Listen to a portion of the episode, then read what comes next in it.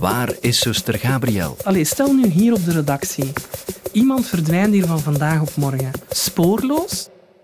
Je wilt toch weten wat er gebeurd is?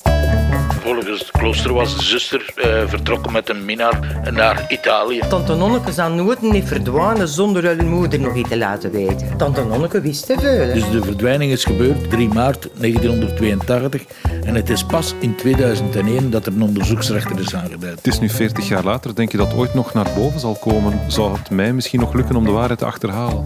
Ja, niemand in Dendermonde, denk ik, gelooft er nog dat het ooit de waarheid zal bovenkomen. Dat blijft zo wel hè, zo een onrechtvaardigheid. hè. Van, Wat is er gebeurd? Waarom is er niemand voor gestraft? We gaan proberen de zaak op te lossen. Ja. Ambitieus.